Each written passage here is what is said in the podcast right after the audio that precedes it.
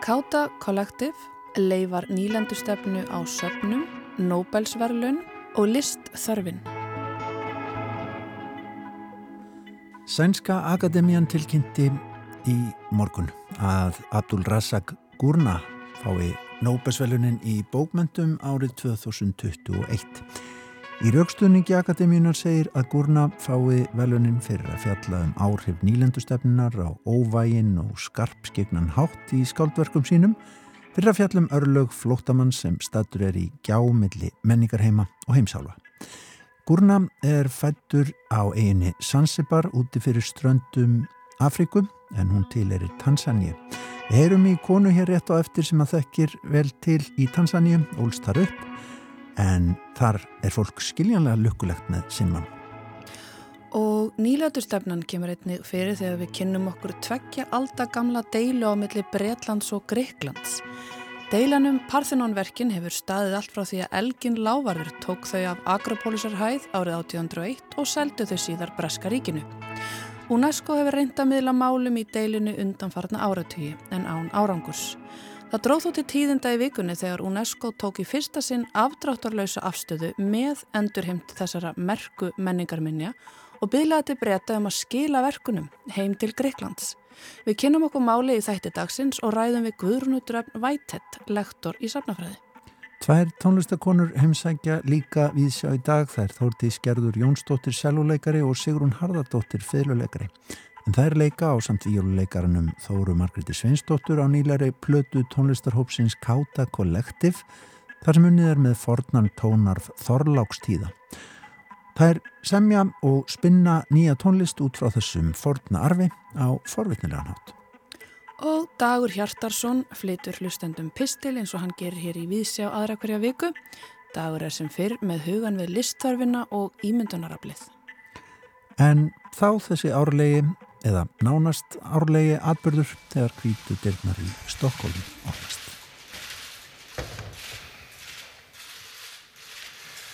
Varmt välkomna till Svenska Akademin.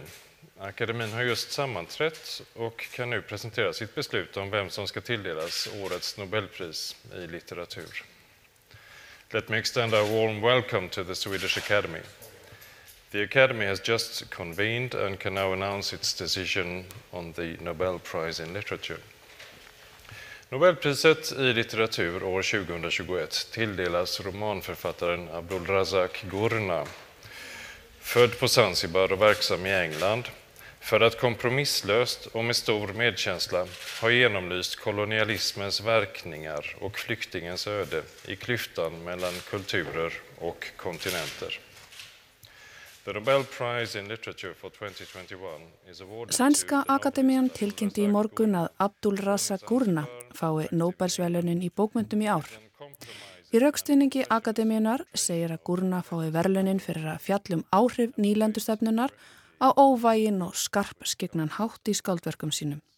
Fyrir að fjallum örlög flóttamanns sem stattur er í gjá, milli menningarheima og heimsálfa. Gurna er fættur í Sansibar, eigi úti fyrir strönd Tansaníu, árið 1948 en hann kom til England sem flóttamaður undir lok 7. áratöðurins þá 18 ára gamal. Hann er aðeins sjöttu höfundurinn frá Afrikulandi sem að hlítur bókmyndavelju Nobels í 120 ára sögu verlunana. Framan af starfaði Gurna við háskólan í Kent þar sem hann kendi bókmentir og eftirlendufræði með áherslarriðtuvundina Volle Soinka, Ngugi Va Tiongo og Salman Rusty. Gurna hófa skrif á ennsku stutt eftir komuna til Englands en hans fyrsta bók, Memory of Departure, kom út árið 1987. Frá honum hafa komið tíu skáldsögur, svo þekktasta Paradise frá 1994 var tilnæmt til búkarvelunana. Nýjasta skáldsagan kallast Afterlives og kom út í fyrra. Í samtali við Guardian fyrir dag saðast útgefandi gúruna til lengri tíma, Alexandra Pringul hjá Bloomsbury, að fáir ættu Nobelin í jafnmikið skilin og gúruna. Hann er einn af okkar mikilvægustu afrísku höfundum, en hann hefur engan veginn fengið þá aðtegli sem hann á skilið og það drefur mig, saði Pringul. En hún gerði mitt í síðustu viku hlaðvarp um gúruna þar sem hún saði hann vera eina af þessum manneskjum sem heimurinn hafði ekki virt viðlits. Helga Sofja Einarstóttir, þýðandi, hún er á línunni hjá okkur. Helga Sofja, þú þekkir aðeins til í eh, Tansaníu og ég geri bara ráð fyrir því að það sé nokkuð mikil ánægja þar í, í hópi sem að þú þekkir. Jú, það er hérna mikið gleði. Ég er búin að vera hans í óldarna upp og hérna, skólasískinu mín eru búin að vera, ég er í mjög svona WhatsApp-grúpu sem að logar bara í dag. Gríðalig gleði. Já, já. Er, er hérna, horfa Tansaníumenn til, til þessa manns, Abdul Razak Gunne? Já, hann er náttúrulega, hann fyrir kannski ekki mjög þekktur, hann er reyndar, hann var reyndar á búkarlistanum 94 fyrir Paradise, Einmitt. en hann sko býr í Breitlandi og, og uh, hefur gert það síðan hann var, held ég, bara 17-18 ára og skrifar á ennsku, en, en er samt, sko, auðvitað er þið mjög stolt af hannum og ég held samt, ég held samt að hann har ekki verið þýttur yfir að svo híli, það er það sem er núna í gangi, það er allir að ræða það, hvort það, það sé ekki einhver náttúrulega fara að þýða þetta yfir að svo híli því að hann skrifur á einsku. Já, já, þannig að svona snýsta við menn verða spáminn í eigin, eigin föðurlandi. Já, það er náttúrulega. En það er náttúrulega líka kannski, það er náttúrulega verið, sko, það er náttúrulega sterk hérna, bókmyndahöfði í Vesturafriku, sérstaklega Nýgerju. Þannig að okkur finnst alltaf gaman að fá kallstöstu þarna yfir. Og þetta er líka bara svo skemmtileg, hérna, skemmtilegt sveið, þetta er náttúrulega mjög bræðingur sem að hann fjalla svolítið um að hérna, að sagt, bæði evróskri og, og svahíli menningu og arabískri menningu og eindarskri þannig að hérna, ég held að sé, þetta sé ekki gullnáma. Gaman að komast í þetta og komast í sögur þá. Einmitt. Sko það er náttúrulega eins og fleiri þá er, er verið að gera upp eh, nýlandu tíman auðvitað í, í, af ansi mörgum höfundum á þessu svæði mitt. Já En þetta er sko það sem að er kannski aðeins örvísi þarna er að þetta var sagt, það hefur ekki verið fjalla mikið um þýska hérna, þýsku nýlendunar og uh, hann, hann náttúrulega er að fara í það og svo var Tanzania að setna mér vendarsvæði breyta uh, þannig að svona, þeirra nýlendur þegar aðeins örvísi mm. en enga síðan náttúrulega mjög traumatísk eins og alltaf. Já. en hann er líka náttúrulega fjalla bara um, um svona identitet og, og hvernig þannig að vera svona milli menninga. Segð okkur aðeins frá sko, voru, uh, voru tansanjumenn lengi undir þýskristjórn sem sagt? Uh, ekki, það var ekki mjög langu tími en uh, það, var aldrei, það var aldrei allt landi, það voru hlutar af því sem voru hérna, undir þjóðurum um, og uh, í svona hvað og rétt fyrir, fyrir heimsturjöld og, og svo er hann alltaf frá Sansibar sem er á sér líka mjög sérstakarsögu sem að var líka tímabili uh, undir Portugalum. Einmitt. Og er út í, út, uh, út í hafi? Já, og er hérna út frá strandinu og er eiginlega svona, hérna, hvað segir maður, svona fullráða. Það er eiginlega svona, þeir eru með sína einn fórsetta og sína einn ríkistjórn. Já. En uh, það er alltaf svona, svolítið öðruvísi, öðruvísi stemming þar. Já. En þarna sem sagt færist ljósið á þennan efni við sem að þessi maður hefur nýtt sér, það er að segja þennan heimsluta sem kannski, já, fólk setur sig auðvitað ekkert mikið inn í, svona allavega ekki við hér í Norðreinu. Nei, nei, nei, nei, einmitt og það er gaman að, hérna, að minnst þetta flott útlutun hjá, hérna, nefndinni þetta sinn. Já. Og hérna, eins og ég segi, það er líka gaman að fá þetta, hérna, ég, hérna, fá, hérna, koma hérna austar meginn Ég er búin að vera eins og svona búin að vera garfa í reyna að finna bókmyndir hvaðanum mitt. Mm -hmm. og hef nú ekki lesið nema afturlæft nýjasta. En núna þarf maður náttúrulega lagt í þetta eins og allir öðru og ég er strax komin hérna og ég er hérna búin að ná mér í eina hérna núna bara meðan ég er að tala við þig. Já, gott þetta virkar og, og hérna veitir aðtegli á þessum heimsluta og, og þessum höfundi Já virkilega. Bara takk hella fyrir spjallið. Já, takk, mjög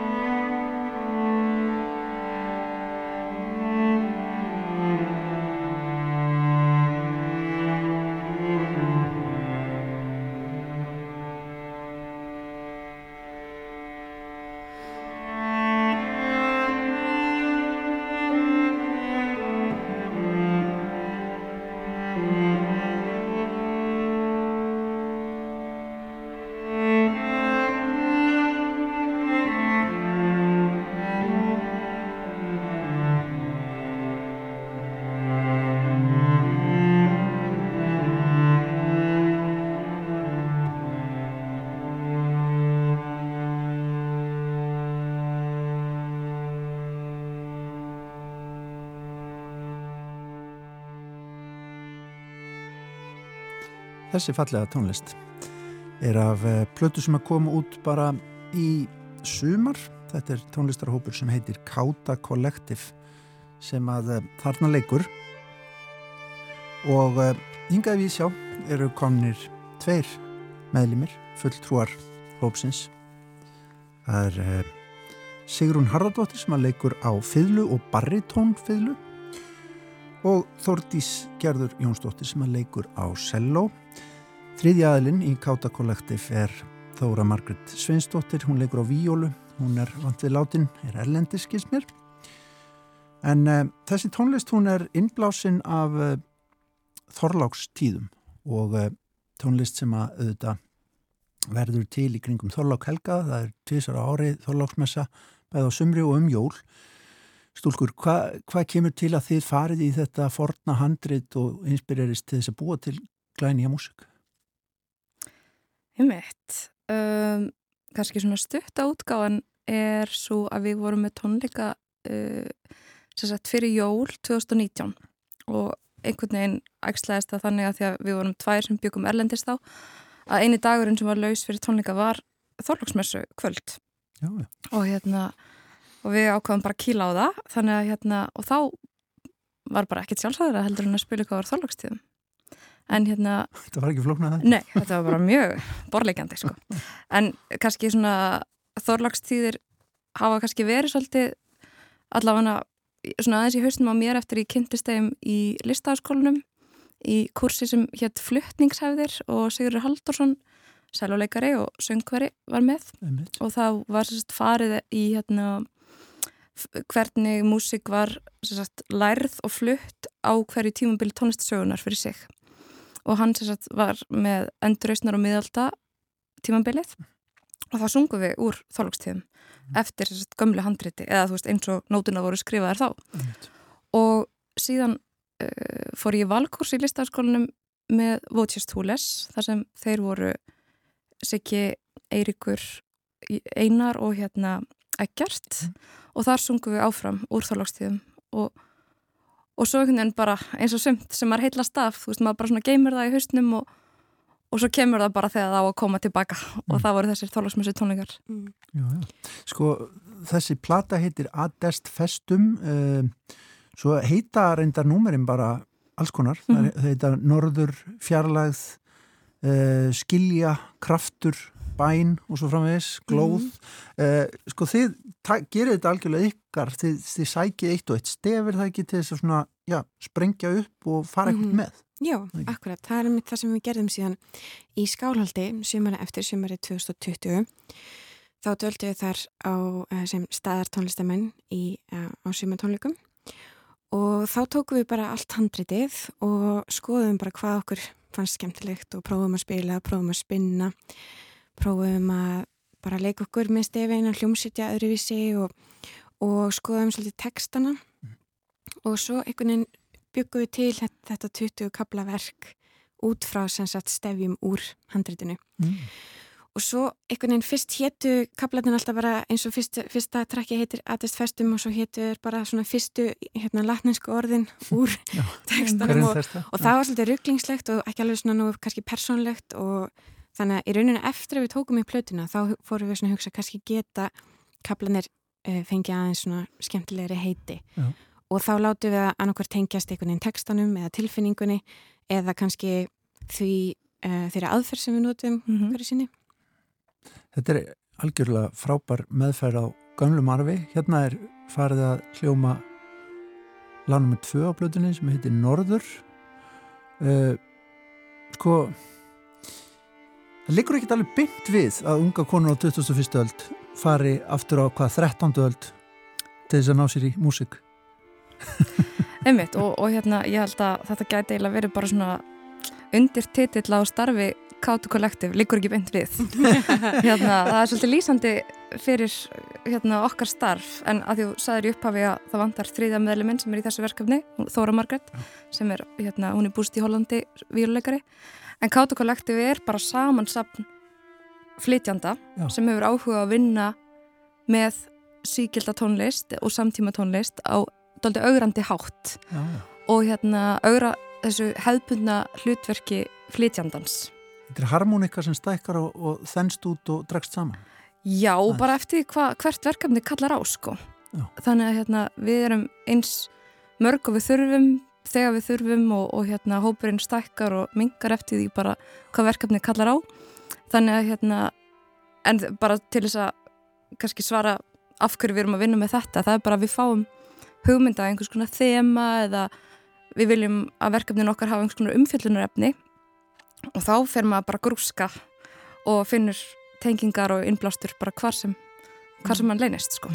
Svo eru við kannski líka bara með svona smá mikið melsku brálaði okkur um, eða kannski, já svona sem flytjandi þá um, hefur maður kannski ekkit alltaf rosalega mikið sveigurum til þess að jú, þetta getur maður tólkað mm. og það eru til miljón mismunandi leiðir til að tólka ákveðan tónlist en okkur langar ofta að fara svona aðeins skrifinu lengra og skrifa út og útsetja meira sjálf og, og hérna breyta aðeins til mm.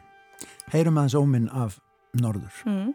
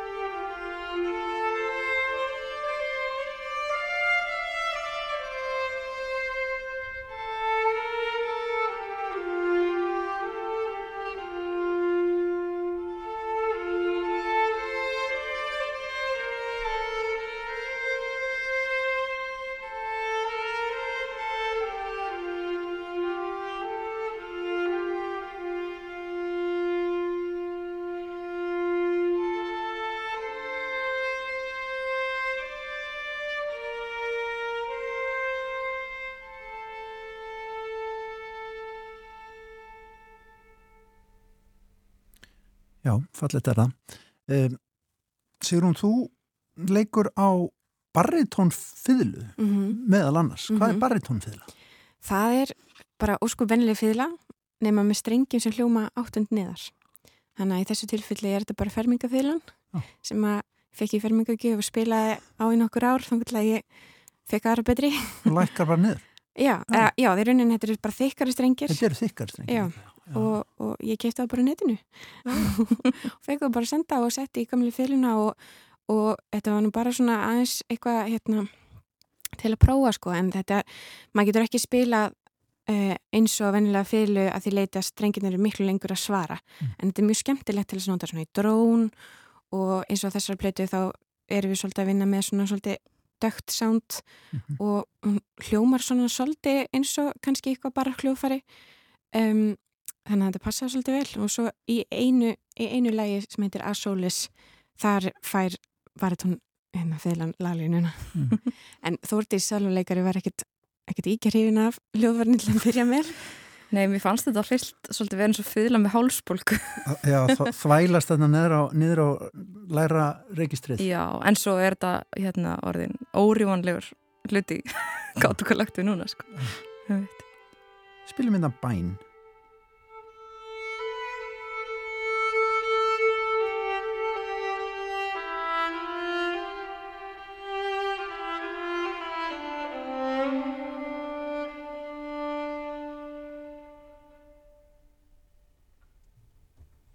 Þetta var bæn af þessari forvöldnilegu plötu andast festum.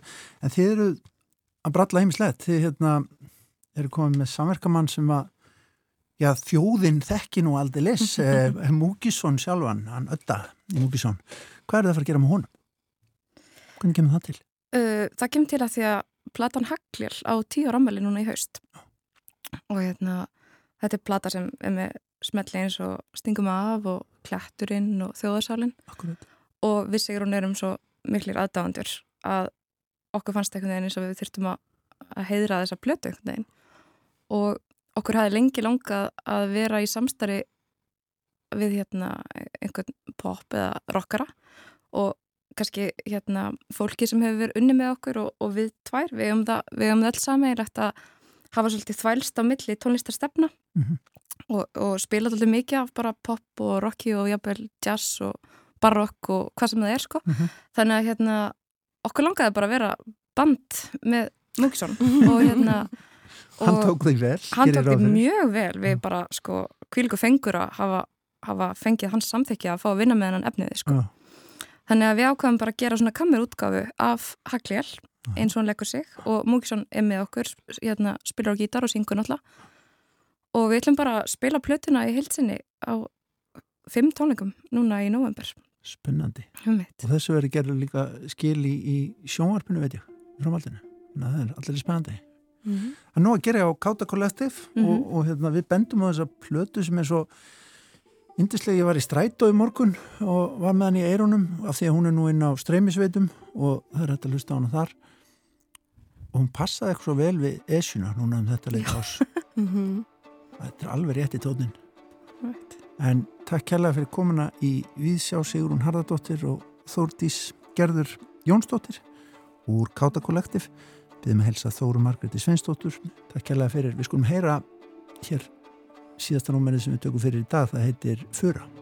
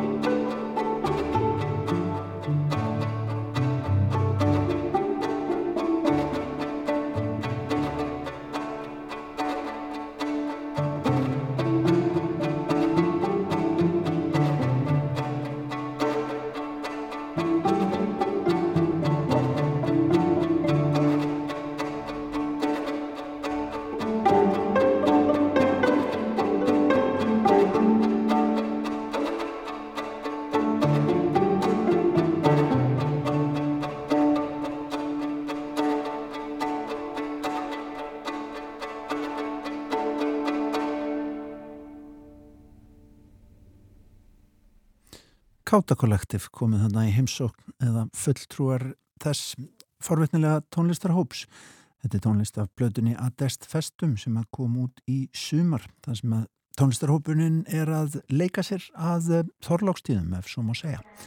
En Dagur Hjartarsson Rittvöndur, hann er með pisla hjá okkur hér í Víðsjá annarkvöld 50 dag, er að velta fyrir sér listþörfinni og ímyndunar aflinu.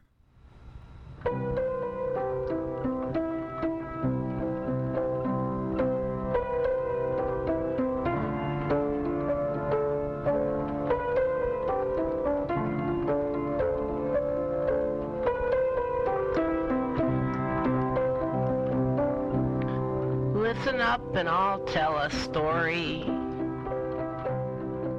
about an artist growing old. Flesti listamenn fá eitthvað tíman og jafnvel mjög oft eftirfarandi spurningu. Af hverju byrjaðir þú að mála, eða dansa, eða yrkja, eða syngja? Hvenar og af hverju? Hvað var það sem fekk þig til að byrja að skapa list? Hvenar vissuru að þú væri listamæður? Hvernig gerðist það? Af hverju? Undir niðri örlar kannski á annari spurningu. Af hverju ertu svona skrítin? Hefur alltaf verið öðris en við hinn? Eða kom eitthvað fyrir þig? Við þessari af hverju byrjaðir þú spurningu eiga ólíkir listamenn ólík svör. En mér hefur alltaf fundist eitthvað ófullnægandi við spurninguna og oftast svörin við henni líka. Hvað með að prófa, núna í dag, að snúa spurningunni við og beinani þannig að öllum hinnum, þeim sem ekki kalla sig listamenn, þeim sem telja sig ekki skapa list eða sinna ekki list, skrifa engar sögur, yrkja engin ljóð, málengar myndir og svo framvegis. Með öðrum orðum, hvenar ákvast þú að hætta að vera listamæður? Af hverju hættur að teikna? Hvenar hættur að yrkja ljóð? Af hverju? Hvernig gerðist það? Og undir niðri örlar á spurningunni Við hvað ertu hrættur? Óttastu að vera öðruvísi? Kom eitthvað fyrir þig? Sónur minn er tæflega tveggjára gamall. Hann er nýbyrjaður í leikskóla og um daginn málaðan og límdi saman, auðvitað með digri aðstofu leikskólakennara, sinn fyrsta pappaskúltúr. Þetta er gul og blá og græn og hvít marglitta sem nú hangir í loftinin og deildin hans með 13 öðrum fysléttum pappa marglittum sem bærast í hvert skipti sem dyrnar inn á deildina opnast og lokast og í leiðinni bjóða marglitturnar okkur gestunum upp í dans eins og öll alvöru listaverk gera. Nú ætla ég ekki að halda því fram að sónur minn hafi skapað ódöðlegt listaverk en ég ætla heldur ekki að mæla gegn því. Og þeim sem ætla að afskrifa marglittuna sem föndur eða skraut vil ég innan svega benda á eftirfarandi línur úr ljóði Sigurðar Pálssonar, rattir í loftinu. Hvað sem hver segir er fegurðin ekki skraut, heldur kjarni lífsins.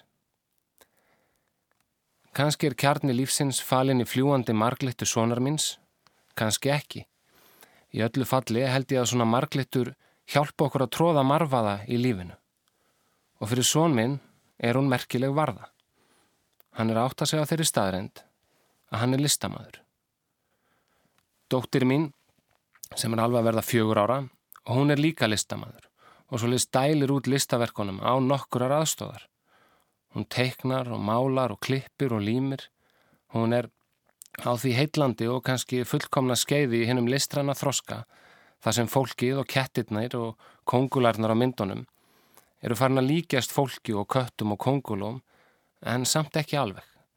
Það er alltaf eitthvað dálítið öðruvísi, alltaf eitthvað óvænt, til dæmis í hlutföllunum eða samsetningu útlima eða bara samhenginu. Hérna er mynda mömmu í kastala Hérna er litli bróður ofan á konguló og hérna eru þúsund kongulæðir og ægilegt skrimsli og líka sól. Það þarf ekki að leita lengi til að finna rannsóknir eða fræðigreinar sem sína fram á mikilvægi listsköpunar fyrir börn. Listsköpun bætir ekki aðeins fínreifingar þeirra, heldur örvar taugakerfið og eigur sjálfskilning og sömulegi samlíðan með öðrum. Og sem betur fer þurfa fæst lítil leikskólabörn mikla kvartningu til að sinna listsköpun. Flest þeirra eru óhrætt við að skapa. En það hefur enginn sagt þeim að þau sé ekki nógu flink eða nógu klár. Þau hafa aldrei fengið engun fyrir listaverkin sín. Þau nálgast list aðeins á forsendum listarinnar. Þau eru listamenn. En eitthvað staðar á leiðinni töpu við flest þessum hæfileika og það er hryllilegt að hugsa til þess. Það gerist kannski grunnskóla þar sem kennarar eru neittir til að vinna í kappi við mælikvarða og samrænt próf og kannski gerist það einn í samkettnishugarfari íþróttana þar sem það er bara einn sigurvegari, hinn er tapa allir og kannski gerist það í allra síðasta lagi í framhaldsskóla. Við förum að hugsa hvað hef ég fram að færa? Ég kann ekki eftir að yrkja ljóð. Sögurnar mínar eru asnalegar. Myndirnar mínar eru einskísvirði. Þessi er miklu flinkar að teikna en ég. Ég er vonlösi að gera eitthvað svona. Eitthvað þessu líkt hef ég sjálfur heyrt í starfi mínu sem mentarskólakennari. Ég kenni íslensku, íslenskar bókmentir og þótt ég leggji áhersla á að 17-18 ára nefnendur mínir yrki sjálfur ljóð og skrifi sínar sögur, þá held ég að hlutföllin séu í grunninn skökk. Ég held að allt kerfið sé skakt.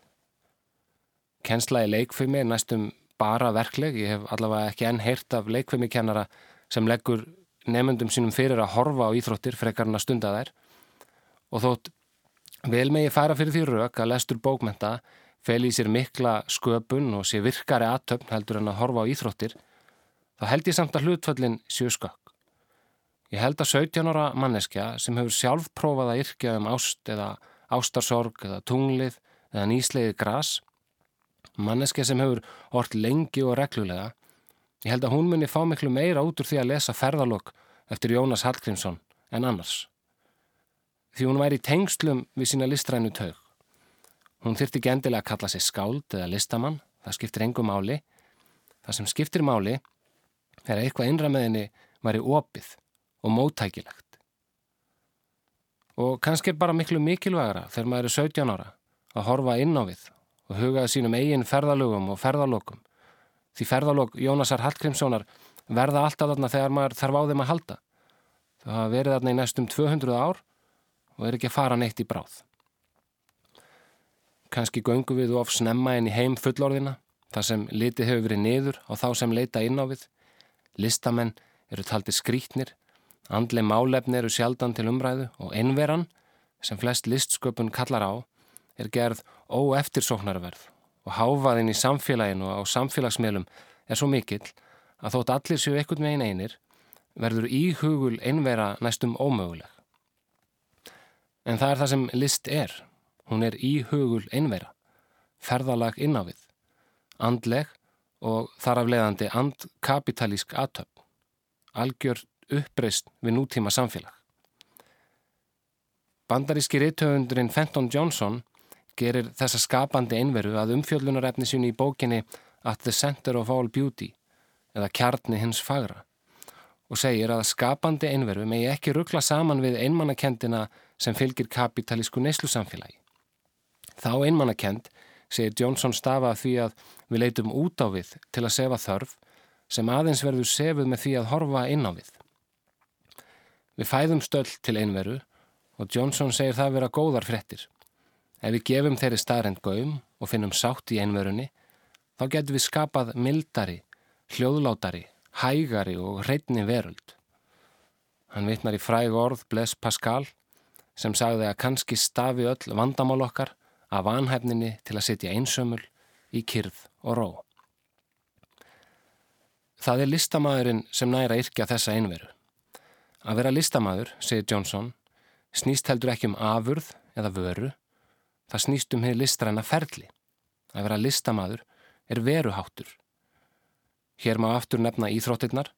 Flest okkar stundar reyfingu bara reyfingarinnar vegna. Ekki vonum stóra sigra eða verlunafið. Við þurfum einfallega að koma blóðinu á reyfingu. Alveg eins hljótu við fyrst og fremst að skapa list fyrir okkur sjálf. Það er algjör tilviljun að list rati til annara, sem hún vissulega gerir stundum sem betur fer, en það getur varla verið frum forsenda hennar. Fyrstu listamennir máluðu myndirnar sínar djúft inn í hellum fyrir meir en 40.000 árum, engin veit af hverju, en það var alveg öruglega ekki til að ganga í auguna á gaggrínendum eða til að sapna aðdáendum. List sem vara á markaði er setni tíma uppfinning. Sömulegis matskvarðar á list. Stjörnugjöf og frasar eins og trúverðuleiki, heildræn bygging, sterk myndbygging, sannfarandi personur. Þetta eru tól til að gefa list verðgildi á markaði. Aðferð til að svifta listina sínum dularfullu kröftum og í versta falli fæla þessi tól fólk frá því að taka áhættu. Fæla það frá því að skapa list. Svo við skulum muna að ef saga listarinnar væri smækku niður í sólaring, þá væri kapitalismin bara augnabliks brjálaði. List lítur ekki fyrir sjáanlegum lögmálum, hún er dularfull, trúarleg eða andleg, hún er leið okkar til að stíga dans við ráðgátuna á bakvið mannsandan, ekki tæki til að ná niðurstöðu eða skapa afurð, heldur veruháttur. Mæli hvarðar auka á stöðuleika og fyrir sjáanleika á mörguðum, en list hefur nákvæmlega ekkert með þetta tvent að gera. Það er allt að óttast, það er ekkert að óttast. Við lifum í þeirri algjöru óvissu, svo við skulum snú okkur aftur á því að skapa list. Kanski komust við þannig aðeins nær kjarnar fegurðarinnar, eða því að skilja okkur sjálf, ef þetta tvent er þá að geitn og sami hluturinn. Við getum gert heiminn að vinalegri stað, örfa okkar muni jafnvel skapa ódöðleg meistaraverk, og í öllu falli, hvernig sem fer, þá munum við skilja eftir okkur ráðgátur fyrir fordleifa fræðinga framtíðarinnar. Hver málaði þessa hesta, munum þeir spyrja. Hvað þýðir þetta ljóð? Út úr hvaða myrkri rýsa þessar myndir? Við þessum spurningum munum hvorki þeir nýja við fá nokkur svör og í skjólun af ráðgátunu og óvissunni og myrkrinu sem er list, þá langar mig til að enda þennan pistil á að spyrja þig eftirfarandi spurninga. Hvenar ákvast þú að byrja aftur að skapa list? Var það ekki gaman? Var það ekki spennandi og frelsandi? Og meðan ég mann, hefur þú séð fljúandi marglittu nýlega? Listen up and I'll tell a story About an artist growing old Some would try for fame and glory Others just like to watch the world.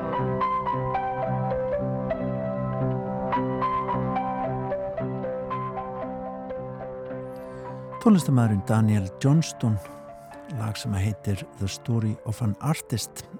Innanum og sama við pistil Dags Hjartarssonar um listþörfina og ímyndunaraflið. En við hugum að fornum menningararfi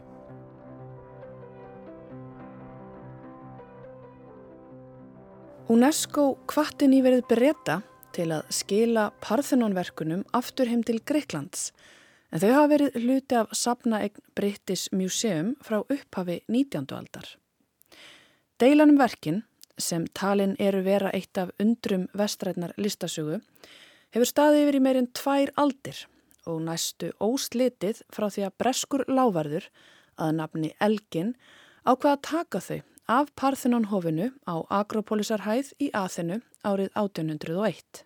Parthenonhofið gnæfir yfir öðrum hofum á hæð Guðana í Aþenu, byggt á 5. öld fyrir Krist til dýrðargiðjunni Aþenu, verndargiðju borgarinnar. Kvítt marmarahofið var skreitt af högmyndum sem þykja vera hápunktur þessa svo kallaða klassíska tímabils vestrætnar listasögu. Sögur af giðjum, guðum, kynjaverum, borgarlegum hátíðum og styrjaldum prítu hofið en allt þetta og þar að auki lámyndirnar sem að kvildu yfir massífum kvítum marmarasúlunum umhverfis allt hofið og sem að telja alls 160 metra eru að mestuleiti til húsa í British Museum.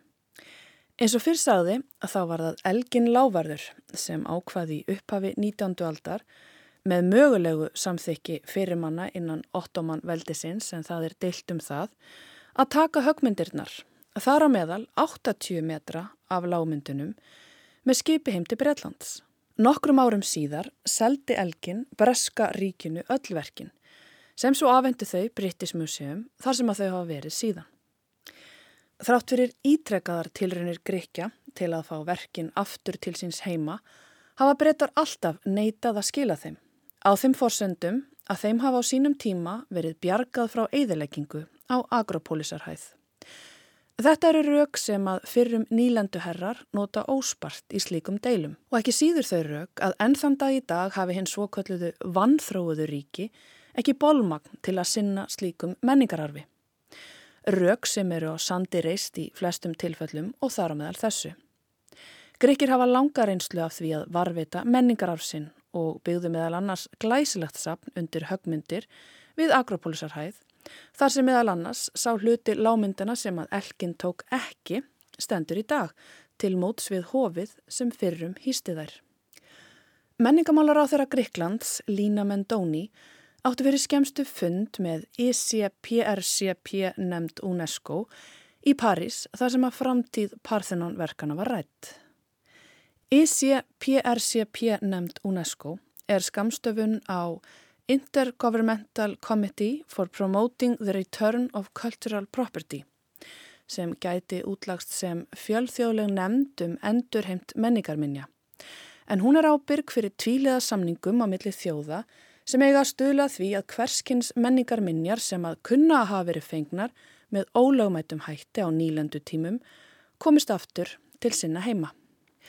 Eftir fundin í París sagði Mendóni í viðtal við Grístagblöð að verkin ætti fyrir löngu að vera komin aftur til sinna heima en nú veri loks komin tími. Verkin ætti að vera í húsakinnum Agropolisasapsins í aðfenskri byrtu undir grískum himni. Þessu er fórsættisráðara Breitlands Boris Johnson ósamala en hann saði viðtali fyrir árinu að Parþjónanverkin væru án nokkurs efa eign breyta. Breytar hefðu eignast verkin með lögmætum hætti þökk sé Elgin lávarði árið 1801 og myndi því ekki gefa þau tilbaka. Mendóni brást narlega við þessum orðum Johnsons. Kallaði hann illa upplýstan um staðrindir málsins og að kvorki Elgin láverður nýjabrettar gætu kallað gjörðir sínar löglegar. Elgin væri raðþjófur og gríska mentamálaráðanetið hefði öll gögn og staðrindir þess efnis. Mendóni benti einna á í síðustu viku að endurheimt verkana hafi nú verið rætt 17 sinnum innan UNESCO nefndarinnar frá fyrsta fundi 1980. Þar til núverandi ákall hafi verið gefið út. Hinga til hafi deilan byggst á egnarhaldinu sem slíku en nú sé ákallið ekki síst byggt á þeirri skoðun að lámyndirnar séu ekki nægilega vel varðveittar í British Museum. En eftir flóð og geimslu nokkur að verka í kjallara eru fleiri farnir að efastum að breskasafnið sé betri varðveislu kostur en það gríska. Deilan hefur sem sagt staðið í rúmar tvær aldir og hefur verið fundað 17 sinnum síðustu 40 ár um málið innan UNESCO. En það er í fyrsta sinn núna sem að samtökinn senda frá sér jafn skýrt ákall um að Parthenonverkin eigi að fara aftur á þann stað sem að gaf þau af sér í sitt upprunlega samhengi 220 árum eftir að þau voru tekin af veggjum Hofsins. Það verður áhugavert að fylgjast með viðbröðum breyta í framhaldinu en eh, ég heiti Guðrunutur Vætett, doktor í Sabnafræði við Háskóla Íslands og fekk að spyrja hana frekar út í þýðingu þessa máls. Guðrún, þetta eru þetta sagan endalösa, alltaf gamla deilur fyrst um eignarhaldið og svo um varveislu en uh, er þetta ekki tákgrænt dæmi um þessi mál sem eru tengt þessi sem að þú ert svo mikið ofta að skoða um endurheimt menningaminja. Þetta eru svona leifar nýlandustöfnu sem að byrtast hérna bara í safna menningunni. Heldur betur og höfum við Íslendingar ekki sérstakann skilning á því að vilja frá þjóðagerðsamar heim. Við fengum handritin Þannig að við hefum kannski skilning á þessum, þessum persónulegu tengingum við okkar bakgrunn mm. Og sögu og menningararleifð. Auðvitað vilja greikir fá styrtunar heim mm. eða högmyndinar. Mm. Það er bara svo skiljanlegt og við eigum að hafa skilning á því. En málið eru auðvitað töluvert flóknara heldur en að handriðin. Þetta er tveggja alltaf gamalt mál eh, nánast og, og rifrildi sem á hófst um leið og hann tók stittunar heim til Breitlands mm -hmm. og hefur bara ekki stoppað síðan Já, vegna þess að eh, meiri sé að í Breitlandi þá voru hann ekki svona almenn sátt um það að þetta væri rétt og þegar sagt, Breska ríkja á hvað að kaupa verkin af honum, þá voru ekki allir sammálum að það væri rétt. Nei, alls ekki og meðal annars Lord Byron og fleiri voru að tala um þetta í fjölmiðlum og voru með breyfaskriftir um þetta í fjölmiðlum og breyfaskriftir um þetta að þetta væri ekki rétt og hann væri bara að fara hérna ránshendi um, og þegar hann neytist til þess að selja högmyndirnar því að hann ætlaði ekki að gera það uppröndilega, hann var bara eins og margir á þessum tíma að sapna flottum hlutum mm -hmm. þú veist fyrir heimilið sitt mm -hmm. um, og þá var þetta rætt að, að breska þinginu hvort að það er taka við þessum gripum og hvort að það veri réttmætt og þeir komist að þeirri neðustöðu að þetta væri réttmætt og löglegt því að hann hefði fengið leifi fyrir því en svo er deilur um það hvort að þessi plögg sem að hann legði fram og þeir sem að voru að, að koma og staðfesta þeir hefðu séð að þetta hefur verið löglegt um, það hefur við fengt líka. Þetta er einmitt einn helstu raugríkjana en, en samt sem á þá snýst þetta ekki bara um eignarhald og þetta hefur líka farið að snúast um varfislu, hverjir eru betri að varfita en aðrir. Og þarna komum við kannski að því sem að gera svo oft í þessum málum að landi sem að varveti hlutina telur að hitt landi sé ekki í stakk búi til að halda utanum þessi menningaminjar en þetta áauðt ekki við þessu tilfelli. Það á alls ekki við þessu tilfelli. Um, það er einlega um tvent að ræða og í gegnum árin hefur yfir talað um tvent að steytnundum var að koma fyrir ásapnun í aðþunu og þau eru nú þegar með mjög viða mikið pláss sem að þau hafa gert sem mótmæli út af þessu til þess að segja við getum tekið við þessu og við getum gert það strax. Og það er auðvitað líka ákveð svar við því að, að þeim er sagt að þau hafa ekki getið til þess. Mm -hmm. og svo annars vegar var einhver umræðam að koma þessu fyrir á upprunalegum stað. En það gengur náttúrulega ekki. Ef að þá að varðveita gripina þá verður að vera á sapni undir réttum skýlunum mm -hmm. en þau hafa fulla getið til þess að taka við þessum gripina mm -hmm.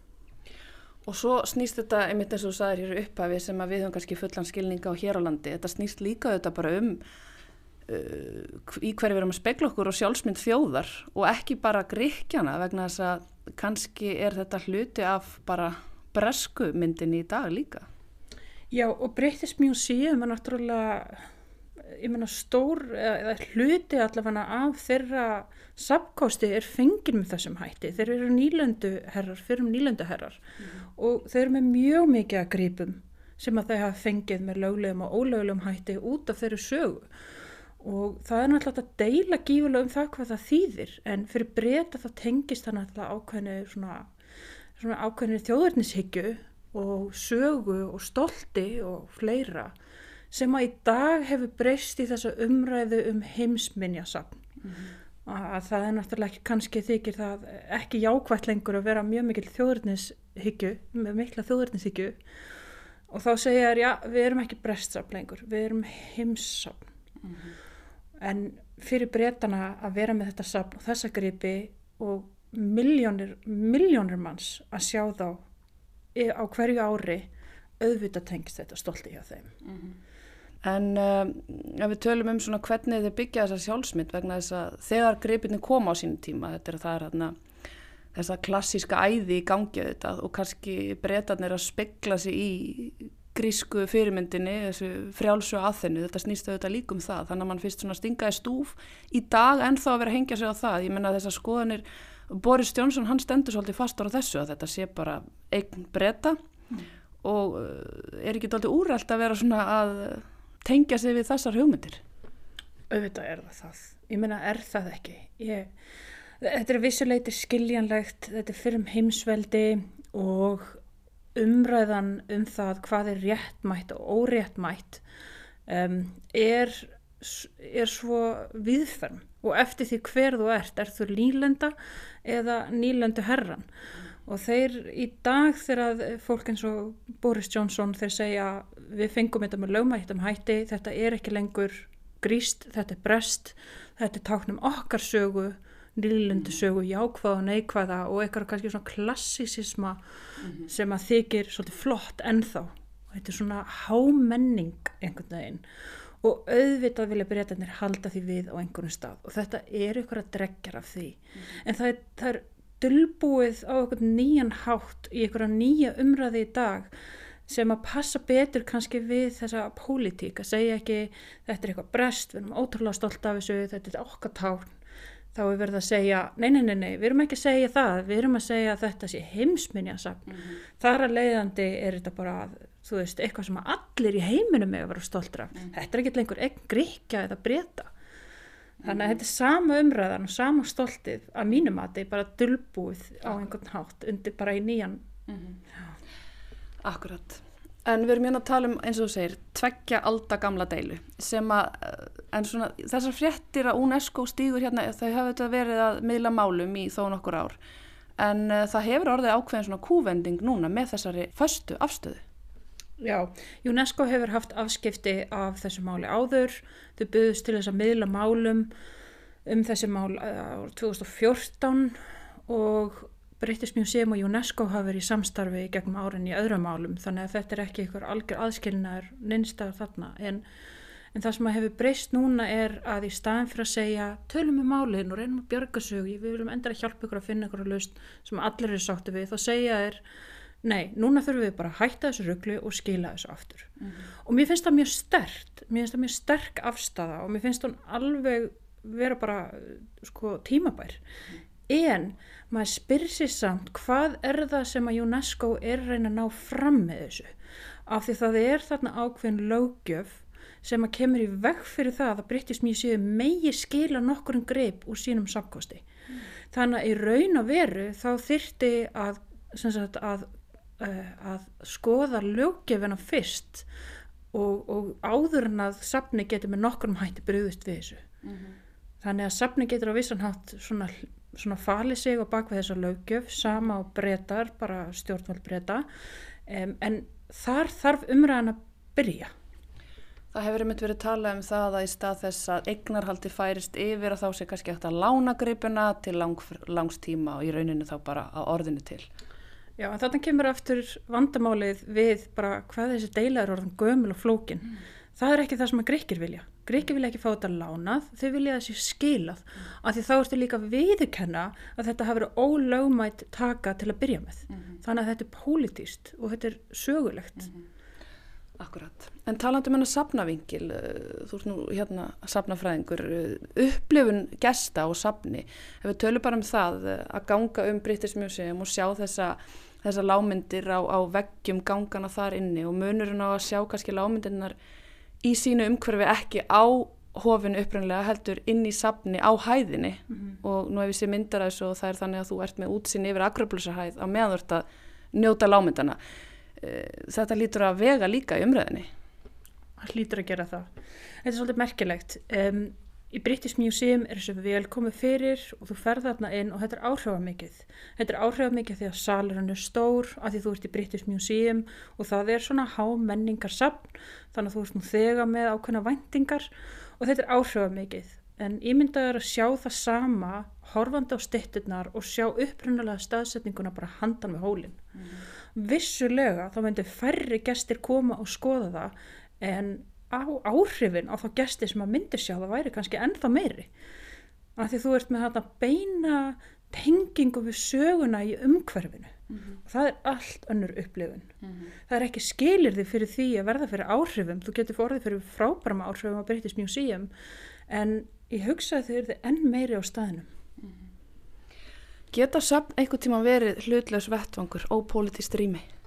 Nei, það er ekki hægt sagan er pólitísk sagan er markbreytileg. Við erum að tólka hana og endur tólka hana stöðugt eftir því sem að líður á. Og hvernig er hægt að vera með algjörlega hlutis og sögu? Við erum að velja hvaða sögu við segjum og söpnum með því að sleppa ákveðnum gripum með því að nafngreima suma en ekki aðra með því að taka ákveðna hópa þjóðfélagsins fyrir en ekki hýna þetta er allt val. Þetta er allt einhver svona sögumyndin það er ekki hægt að gefa neitt ópolítiska mynd af þessu og kannski ætti söfnin að hætta að reyna það og taka frekar virkan þátt í þessu. Akkurat. Heldur þú Guðrún að við um einhver tíman eftir að sjá þessi verk á agruplusaheið? Góð spurning. Náttúrulega 50% af því sem er til cirka er á British Museum en þetta er líka á sex öðrum stöðum í heiminum. Eh, Vatikaninu, Louvre, á litlu háskólasafni í Þískalandi, Vienna ég get ekki ímynda mér að Vatikanið sé að fara að skila sínum gripum þannig að við höfum aldrei hugsaði eftir að sjá þetta allt á sama stað. En maður veit ekki, kannski verður eitthvað vitundavakning og mm -hmm. kúvending. Ég myndi fagna því. Við sjáum til, fáum að fylgjast með því áfram. Sjáum til hvort það takki nokkur ári eða tvær aldrei viðbútt, það kemur þá í ljós. Takk einnilega fyrir spjallið Guðrún Drafn Vætett Takk fyrir. Og þessu spjalli um eh, menningar arf eh, fornan og hvar hann eigi heima.